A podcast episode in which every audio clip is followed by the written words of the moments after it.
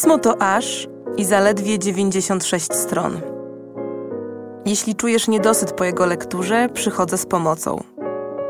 Oto podcast a propos, w którym polecam co przeczytać, co obejrzeć i czego posłuchać, aby poszerzyć swoje horyzonty i wiedzę. Zapraszam, Zuzanna Kowalczyk.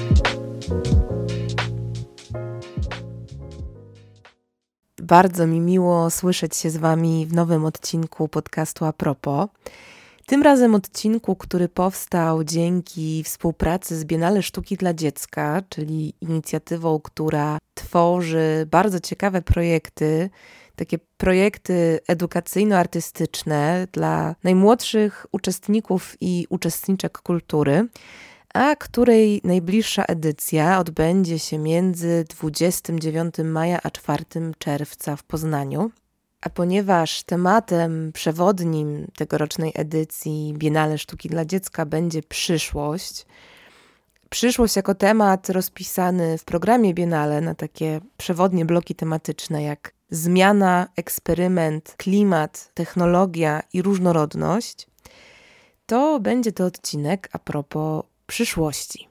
Przyszłości, czyli tematu, z którym pewnie już podskórnie czujecie, jakiego typu mogłam mieć problem. Robiłam zresztą już kilka odcinków, które trochę były zbliżone tematycznie w tym sensie, że dotyczyły przyszłości, ale zazwyczaj dotyczyły przyszłości konkretnych obszarów czy dziedzin, na przykład przyszłości miast albo przyszłości edukacji. A tym razem zostałam postawiona przed takim bardzo pojemnym, bardzo szerokim hasłem. I kiedy zaczęłam swoje przygotowania do tego odcinka, a zaczęłam jak zawsze, czyli od wędrówki pomiędzy swoimi półkami i przeglądu swoich książek, aby zobaczyć, co w tej mojej małej bibliotece dotyczy tematu, który mam podjąć, ale też które z tych kwalifikujących się w ten temat książek z mojego zbioru są według mnie warte polecenia i też które z nich składają się w jakąś spójną opowieść. No i gdy tak zaczęłam gromadzić te książki, zbierać jedna po drugiej spółek i układać je w stos na, na moim stole, to nagle okazało się, że ten stos już przewyższa mnie co najmniej o głowę, że jest to już wieża wysokości wielu innych wież, które niestety mam na biurku. I że choćbym nie wiem, jak się natrudziła, to nie ma szans, abym Wam o tych wszystkich książkach, które według mnie bardzo ciekawie temat przyszłości podejmują czy problematyzują, no nie ma szans, żebym o nich wszystkich zdołała opowiedzieć. Więc niestety będę musiała dokonywać w tym odcinku bardzo brutalnych wyborów.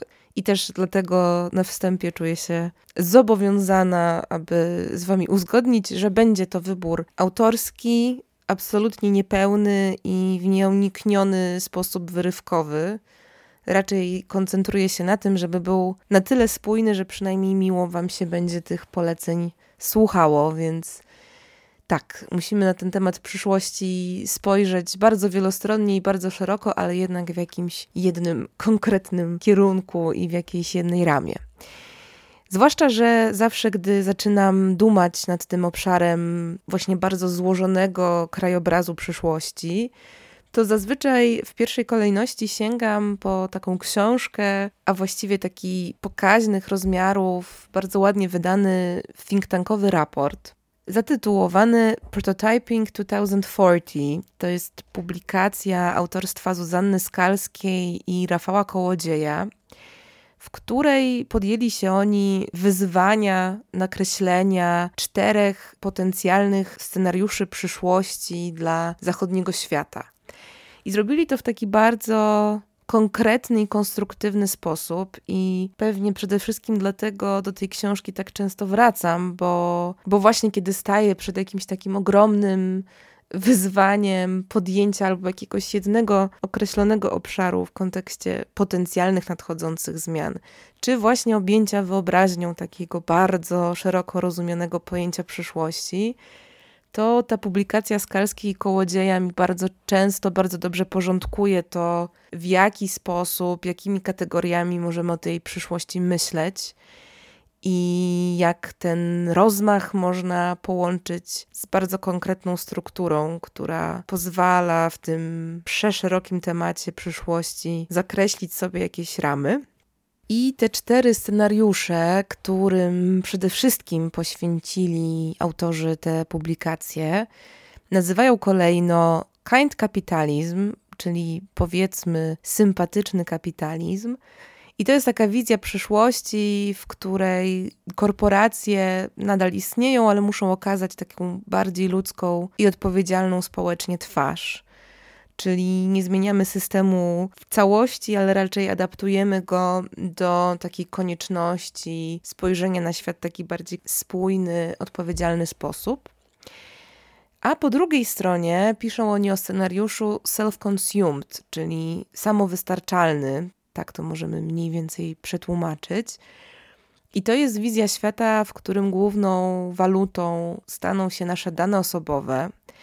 Głównymi regulatorami przez to właściwie rzeczywistości społecznej staną się big techy, a w konsekwencji dalej w zawrotnym tempie będą rosnąć nierówności społeczne i no, jak się pewnie możecie już domyślać, jest to scenariusz co najmniej niepokojący. Trzecim scenariuszem, który wymieniają, jest Active Restoration, czyli aktywna regeneracja, i to jest scenariusz, który opiera się przede wszystkim na wprowadzeniu gospodarki cyrkularnej, czyli gospodarki, która będzie się przede wszystkim koncentrować na odzyskiwaniu zasobów. I w kontrze też rozpisują scenariusz, który nazwali less is enough, czyli wystarczy mniej.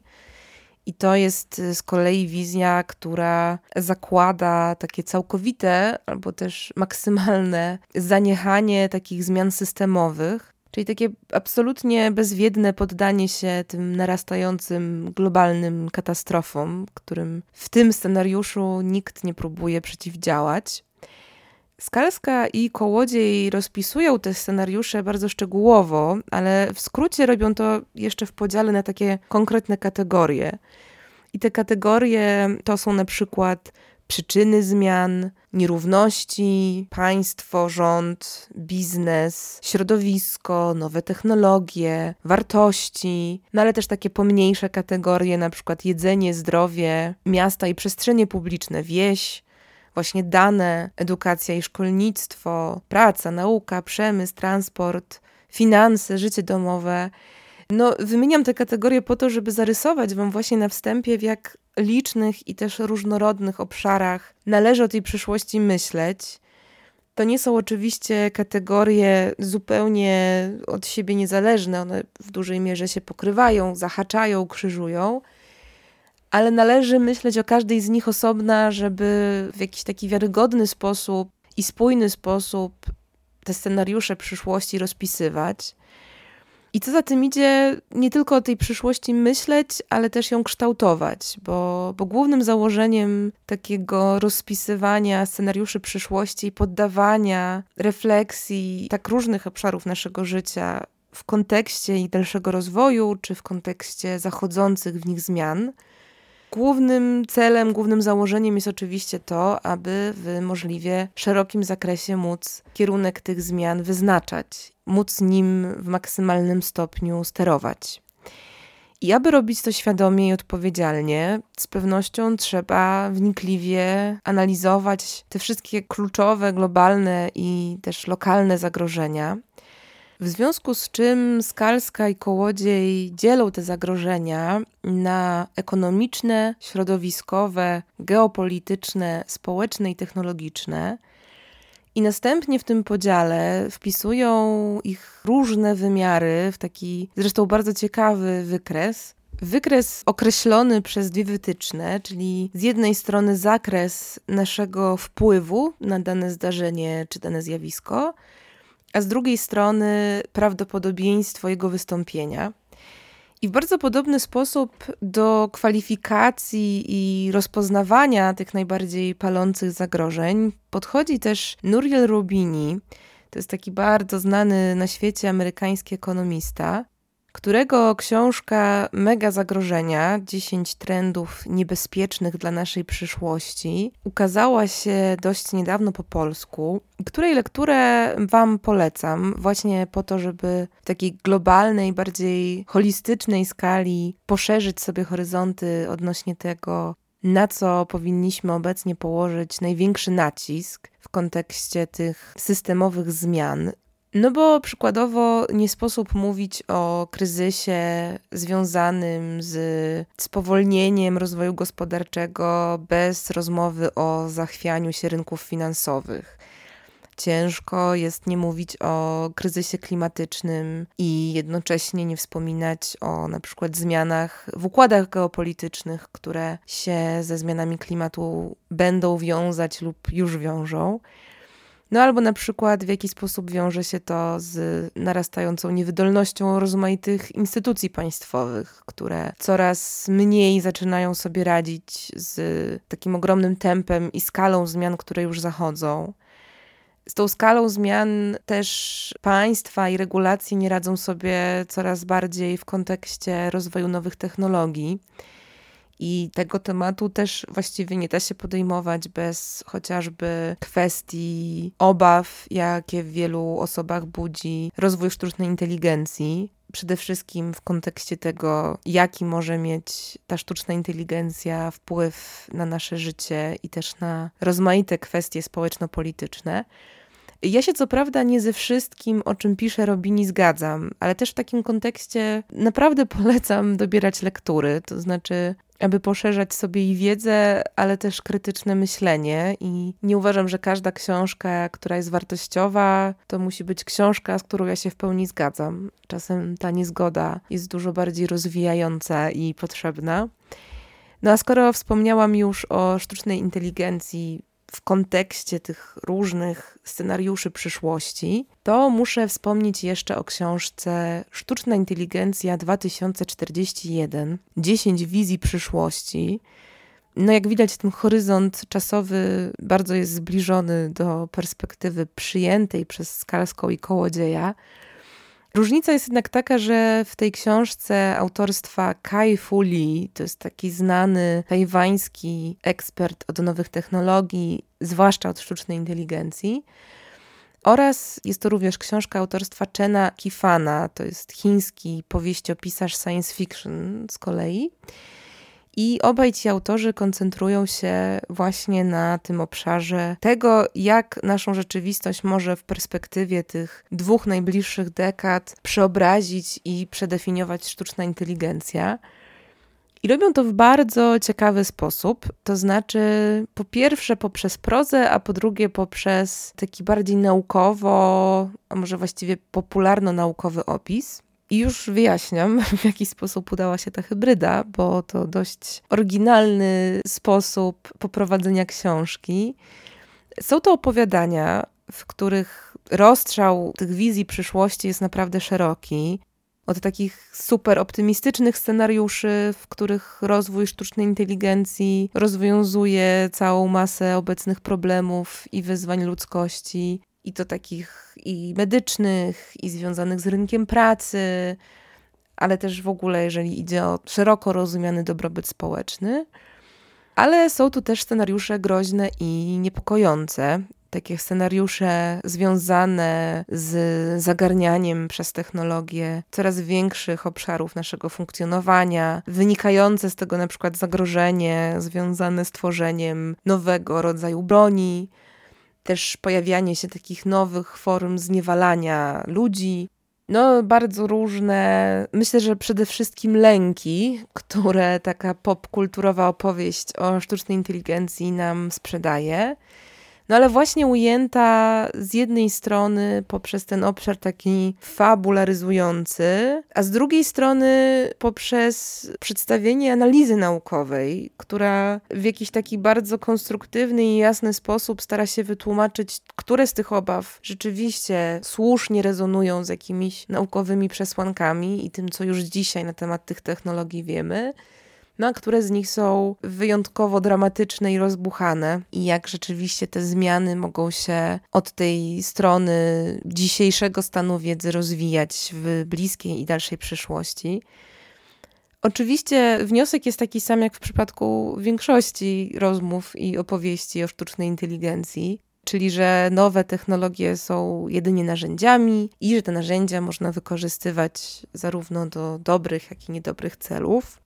Mamy tę historię dość dobrze, ale wejście w te konkretne, poszczególne wizje i zagrożenia jest naprawdę ciekawe, naprawdę wieloaspektowe, otwierające głowę. Myślę, że super też zadziałała ta popularno-naukowo-opowiadaniowa hybryda, bardzo to się ciekawie czyta przez to, że okazuje się, że właśnie prozę z takim bardziej ścisłym opisem rzeczywistości da się ciekawie syntetyzować. Więc e, mocno Wam tę książkę polecam. A jeśli Was szczególnie ciekawi ten aspekt wpływu sztucznej inteligencji na rynek pracy, to polecam Wam uzbroić się jeszcze odrobinę w cierpliwość, a następnie wybrać się w maju na festiwal Millennium Dogs Against Gravity i tam wypatrzeć w repertuarze film zatytułowany After Work. To jest film dokumentalny, który podejmuje właśnie temat automatyzacji rynku pracy w związku z rozwojem nowych technologii. Wychodząc od tych słynnych już doniesień, że plus minus w ciągu najbliższych 15 lat około połowa pracowników i pracowniczek zostanie zastąpiona przez automatyzację i sztuczną inteligencję. Zresztą w tym kontekście też mocno Wam polecam artykuł, który w majowym numerze napisał i opublikował dla nas Artur Kurasiński. Natomiast wracając do filmu After Work, to autor tego filmu, czyli Eric Gandini, zadaje sobie w tym filmie pytanie o to, czy jesteśmy jako ludzkość gotowi na tak potężną zmianę i też zastanawia się nad tym, w jaki sposób ta zmiana prawdopodobnie przekształci nasze rozumienie pracy, nasz stosunek do pracy, w ogóle status pracy w naszym życiu. Jest to bardzo ciekawe ujęcie. Myślę, że teraz bardzo ciekawie rezonujące z tym, co o sztucznej inteligencji piszą media w kontekście czatu GPT nie tylko. Więc zainteresowanym tematem polecam i też polecam właśnie w komplecie z esejem Artura Kurasińskiego, który ma taki dużo bardziej uspokajający ton. Więc myślę, że to będzie dobre zderzenie i dobre połączenie głosów.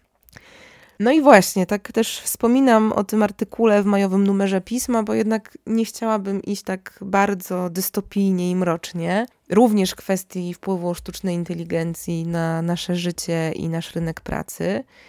Więc chcę też pokazać i udowodnić, że istnieją również rozmaite pomysły na to, jak te najbardziej niebezpieczne trendy odwracać, albo też jak wspierać ich rozbrajanie lub udoskonalanie. To znaczy, to nie jest wizja, w której jesteśmy w stanie w ogóle zawrócić rzekę, ale być może zminimalizować jej szkody. I jednym z bardziej znanych i ciekawych konceptów ekonomicznych ostatnich lat jest w tym kontekście oczywiście słynna ekonomia obważanka, czyli koncepcja ukuta przez angielską ekonomistkę Kate Raworth. Ale o tej książce naprawdę wspominałam już w wielu, wielu odcinkach a propos. A tymczasem na polskim rynku ukazała się właśnie książka odbijająca się od książki Raworth.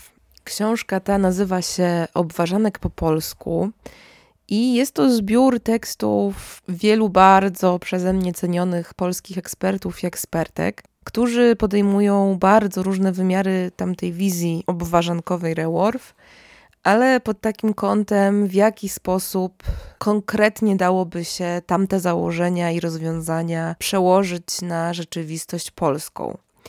I jest to naprawdę super ciekawa i w moim odczuciu ważna lektura, bo właśnie z tych bardziej ogólnych, takich globalnych haseł przechodzi na grunt lokalny, na taki grunt dużo bardziej sprawczy i dostępny i osiągalny. To znaczy też taki, który jest bardzo silnie osadzony w rzeczywistości, którą ma zmieniać, do której ma trafiać. Czyli trochę bardziej skrojony na nasze polskie okoliczności i warunki. Polecam z całych sił, bo, bo mi takie teksty, które właśnie od tych wyabstrahowanych idei schodzą na poziom bardzo konkretnych rozwiązań, jednak dają inny poziom jakiejś nadziei na to, że coś się uda rzeczywiście przeobrazić i jakoś tą przyszłością lepiej pokierować. Natomiast to nie znaczy, że te namysły szersze, z bardziej takiej właśnie metapozycji nie są potrzebne i ważne, ponieważ takim bardziej podobnym do Reworth stylu, choć od nieco innej strony, ten temat przeobrażenia systemowego naszej zachodniej cywilizacji, właśnie w taką stronę, aby ograniczyć te najgorsze scenariusze przyszłości, Proponuje antropolog Jason Heikel w swojej książce Mniej znaczy lepiej o tym, jak odejście od wzrostu gospodarczego ocali świat.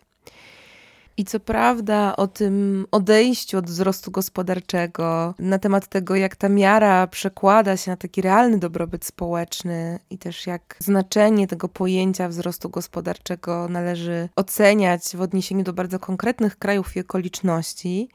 O tym też ciekawy rozdział znajdziecie w obważanku po polsku.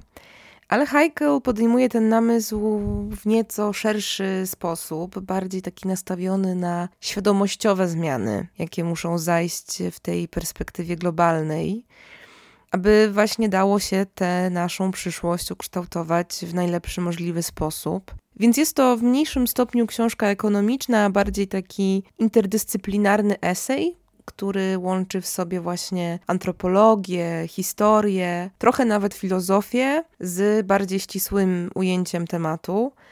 Ale nie są to właśnie refleksje pozbawione osadzenia w rzeczywistości. To znaczy, Heikel koncentruje się nie na tym, aby wyłącznie skrytykować dotychczasowy kierunek zmian czy kształtowania przyszłego świata, ale bardziej koncentruje się na tym, aby zaproponować wobec tego kierunku jakąś alternatywną ścieżkę, czyli zastanawia się nad tym, co rzeczywiście jesteśmy w stanie zrobić, aby ograniczyć tak potężną eksploatację zasobów planety, aby przekształcić system kapitalistyczny w stronę systemu bardziej zrównoważonego i odpowiedzialnego w skali globu. Ciekawe jest dla mnie zresztą też to, w jaki sposób recepcja tej książki Heikela zmienia się na przestrzeni ostatnich kilku lat. Bo miałam wrażenie, że początkowo była uznawana za dość kontrowersyjną, a już dzisiaj tak powoli, nieśmiało, ale jednak mam poczucie, być może tylko z perspektywy mojej bańki, ale że jednak to ujęcie tematu zaczyna coraz mocniej definiować mainstream. I ta zmiana, taka właśnie świadomościowa, która się dzieje, napawa jednak jakąś nadzieją. I trzymając się wątku nadziei, właśnie, bardzo mocno polecam Wam też podcast mojej serdecznej redakcyjnej koleżanki Basi Sowy. Podcast zatytułowany Jak naprawić przyszłość, w którym Basia regularnie bierze na tapet jakiś istotny problem, jakieś wyzwanie, jakiś aspekt naszej rzeczywistości i następnie analizuje wraz z ekspertami, ekspertkami to, w jaki sposób dane zjawisko może się dalej rozwijać i w jaki sposób może zdefiniować naszą przyszłość, a następnie rozmawia i rozmyśla nad tym, co możemy zrobić, aby te zmiany były dla nas możliwie dobre i możliwie bezpieczne. Podcast Basi, co prawda, znajdziecie też w wolnym dostępie, ale bez zmian przypominam przy okazji, że ogromnym wsparciem dla pisma jest zostanie naszym subskrybentem lub prenumeratorem. I w tym kontekście bez zmian przypominam Wam o kodzie zniżkowym o treści a propos. Kodzie, który zapewni Wam pięć pierwszych miesięcy dostępu online do strony pisma ze wszystkimi naszymi materiałami za połowę ceny. A materiałów, między innymi właśnie o tym temacie przyszłości, znajdziecie tam całą masę. Między innymi znajdziecie tam bardzo pokaźną, czteroodcinkową soczewkę. Soczewkę, czyli taki reportaż at large, który regularnie robimy w piśmie który w tej wersji online jest też uzupełniony zazwyczaj o, o masę materiałów, wykresów, zdjęć. I jedną z takich soczewek jest soczewka Tomasza Ulanowskiego zatytułowana Ziemia. I w pierwszej części tej soczewki, zatytułowanej Energia, prawdziwa waluta wszechświata, Ulanowski sprawdza, czy całkowite przejście na energię odnawialną jest możliwe i czy rzeczywiście jest to najbardziej ekologiczne rozwiązanie. W drugiej części atmosfera czarna od węgla pyta z kolei, czy rzeczywiście mamy szansę na dekarbonizację atmosfery i też co musielibyśmy zrobić, aby usunąć z tej atmosfery wszystko to, czym ją zatruliśmy do tej pory. Trzecia część zatytułowana Jak nakarmić świat, podejmuje temat tego, czy rolnictwo zdoła wyżywić wciąż rosnącą populację i czy przy tym wszystkim udałoby nam się jeszcze zredukować ślad węglowy. No i wreszcie w części czwartej Tomasz Ulanowski zastanawia się, jak ważne dla przyszłości świata jest zachowanie w nim bioróżnorodności. I wszystkie te tematy rozwija później w swojej dopiero co wydanej książce zatytułowanej Ostatnia minuta pieszo przez antropocen. No i to jest z kolei taki nieco bardziej osobisty reportaż, taki reportaż wędrujący, wędrujący przez naszą planetę i obserwujący to, w jaki sposób zmieniają się pod wpływem naszych szkodliwych działań różne ekosystemy i w jaki sposób rujnujemy naszą przyrodę i też jak te działania niestety określają naszą przyszłość i wyznaczają tej przyszłości bardzo konkretny i mało optymistyczny kierunek. Tomasz Ulanowski jest dziennikarzem naukowym przede wszystkim, więc też od takiej strony podejmuje te tematy ekologiczne, ale jest też po prostu jednym z ludzi w tej dużej maszynie Ziemi, w której zaniedbaliśmy naszą odpowiedzialność za rzeczywistość wokół. Więc jest to też taka osobista refleksja nad tym, jak w obliczu katastrofy klimatycznej mierzyć się z własnymi strachami i jednak pomimo tej ogromnej skali beznadziei działać i też czerpać siłę do tego działania z właśnie takiego głębszego zrozumienia i docenienia tego, co nam ta nasza planeta daje. A docenienia naszej planety i szukania sposobów na jej ocalanie i naprawianie regularnie dostarczają też książki wydawane przez wydawnictwo Wysoki Zamek, takiej bardzo spójnej serii, z której zresztą już nieraz polecałam Wam różne tytuły, chociażby dotyczące zielonego rozwoju miast, odejściu od aut w dużych ośrodkach miejskich, aktywizmu ekologicznego. No, są to w większości książki poświęcone właśnie przeobrażaniu świata w stronę bardziej zrównoważonego i odpowiedzialnego. A tym razem, skoro o przyszłości, to chciałam Wam polecić z tej serii trzy książki, ze szczególnym naciskiem na tę, którą wymienię jako ostatnią, chociaż wszystkie trzy są super ciekawe i, i warte uwagi. Po pierwsze jest to książka Szymona Bujalskiego Recepta na lepszy klimat zdrowsze miasta dla chorującego miasta. Bujalskiego nazywa się w sieci dziennikarzem dla klimatu, który właśnie podejmuje te tematy środowiskowe i ekologiczne, więc kierunek książki raczej jest dość oczywisty. Ale choć koncentruje się w niej właśnie na tym temacie przestrzeni miejskich i tego, w jaki sposób musimy zacząć zmieniać i przekształcać miasta, aby służyły planecie i, i też swoim mieszkańcom, to jednak nie są to kwestie zupełnie oczywiste, chociaż już o nich wiele razy słyszeliśmy, ponieważ w ujęciu Bujalskiego duży nacisk jest stawiany na to, jakie rozwiązania już są wdrażane, już są próbowane w różnych miastach, w jaki sposób aktywiści i aktywistki miejskie i osoby zaangażowane w te działania już dokonują ogromnych zmian i jaki kierunek nam się z tych zmian może klarować. I są to zmiany również aplikowalne do miast w Polsce. Więc w tym kontekście ja w tym, no niby rozeznanym nam dobrze świecie, właśnie więcej zieleni, mniej betonu, więcej przestrzeni wspólnych, bardziej zrównoważony transport, czyste powietrze itd., tak itd., tak to jednak nie jest to zestaw jakichś oczywistych hasełek. Raczej są to bardzo konkretne rozwiązania i konkretne refleksje nad tym, co da się zmienić i w jaki sposób. Świetnie tę lekturę uzupełnia w moim odczuciu książka z tej samej serii, Książka Jaceja Sticklera to jest nasza przyszłość, manifest na rzecz szlachetniejszego świata. I to jest książka, która, jak tytuł wskazuje, jest manifestem ale jest taką przede wszystkim obroną, ach, nie wiem jak to powiedzieć niepatetycznie, więc chyba powiem tak, jak powiedzieć należy, czyli no jest to książka, która broni pewnych wartości, które w kontekście współdziałania i współżycia na Ziemi, zdaniem Sticklera, zupełnie się gdzieś nam zagubiły i pomieszały też nie chcę powiedzieć, że jest to jakkolwiek oryginalna myśl, bo o tym, jak bardzo nam brakuje mądrze rozumianej wspólnoty, jakiegoś wspólnego celu i takiej właśnie odpowiedzialności za rzeczywistość wokół, to o tym mówimy na wiele różnych sposobów. Natomiast rzeczywiście to, co w naprawdę ciekawy, mądry i ważny sposób Stickler robi w tej książce, to pokazanie, że są to wartości nastawione na budowanie przyszłości, bez których ta przyszłość nam się zupełnie rozpadnie i zagubi. Jeżeli stracimy wiarę w to, że te zmiany, te wartości da się wdrożyć, te zmiany da się wdrożyć, no to właściwie w jakimś sensie już spieprzyliśmy sobie tę przyszłość, mówiąc dosadnie. Że jeżeli w ogóle mamy mówić o przyszłości, to jednak w jakiś taki konstruktywny sposób ciężko mówić o przyszłości bez jakiejś formy nadziei. A ta nadzieja nie musi być jakimś takim naiwnym spojrzeniem w przód i czekaniem, aż rzeczy załatwią się same, tylko może być właśnie bardzo silnym nastawieniem na działanie. I wyznaczanie tego kierunku zmian dla przyszłości może być formą ocalania teraźniejszości, a nie tylko przyszłości. No bo właśnie może dać taką wiarę w to, że jeszcze nie wszystek nadziei stracony.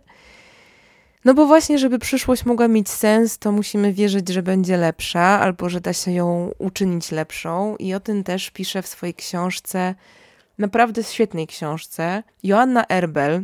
To jest autorka, którą możecie kojarzyć właśnie z książek o, o miastach i o politykach mieszkaniowych. A tym razem Erbel przedstawia książkę nieco inną, choć bardzo spójną ze swoimi obszarami ekspertyzy.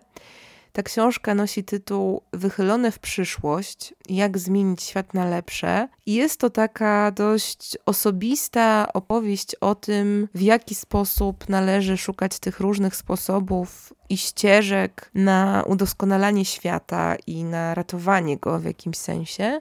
Jest to książka pisana zarówno z perspektywy aktywistki, jak i właśnie z perspektywy specjalistki, która mocno wierzy w innowacje, bo to, do czego Erbel najmocniej w tej książce nawołuje, to jest otworzenie się na eksperyment, na eksperymentowanie z różnymi formami rozwiązań, które mogłyby pchać świat w tą lepszą stronę. Jako, że ta zmiana, jak pisze Erbel, dokona się tak czy owak, to znaczy świat po prostu już teraz zmienia się na naszych oczach, chociażby klimatycznie, ale też przecież społeczno-polityczno-ekonomicznie. I w tym sensie brak reakcji, brak wysiłku włożonego w to, aby te zmiany kierować w dobre, odpowiedzialne tory, jest też formą zabrania głosu. To znaczy, jesteśmy skazani na wykreślenie jakiegoś kierunku dla przyszłości i zaniechanie tego jest również jakąś decyzją. W związku z tym Erbel nawołuje do tego, by nie przespać tego super ważnego momentu, w którym jesteśmy i naprawdę próbować różnych działań, aby jednak przejść ku tym rozwiązaniom mającym na celu ochronę planety, ochronę też szeroko rozumianego ludzkiego dobrostanu, zmniejszanie nierówności, wprowadzanie bardziej zrównoważonych rozwiązań.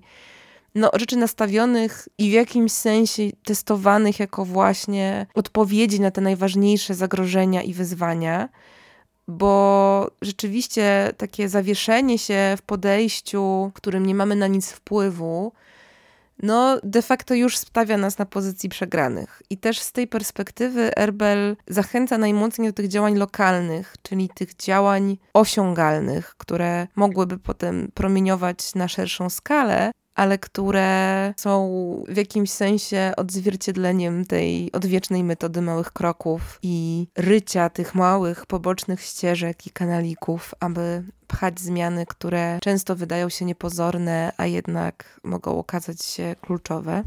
A często wydają się niepozorne, bo są pewnym procesem, a proces rzadko bywa taki spektakularny i rewolucyjny, jest właśnie pewną ścieżką, pewną drogą, pewną koleją małych zmian, które składają się na tą zmianę dużą i naprawdę wpływającą na przyszłość.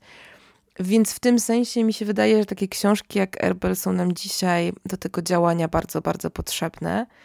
I też do takiego podejścia do przyszłości Was zachęcam takiej przyszłości nam też życzę, to znaczy przyszłości, na której nie będziemy stawiać krzyżyka w obliczu największych zagrożeń, tylko będziemy dalej walczyć i wierzyć w to, że możemy naprawdę transformować i kształtować przyszłość i teraźniejszość, i że to od decyzji zależy to, w jakim kierunku pójdziemy dalej.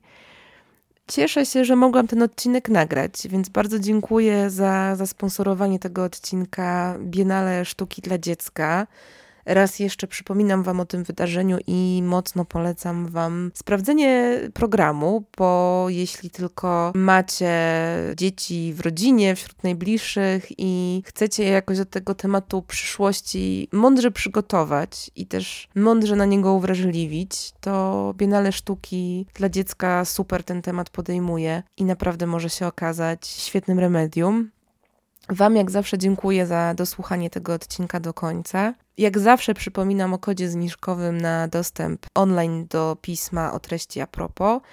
I jak zawsze żegnam się słowami do usłyszenia niebawem.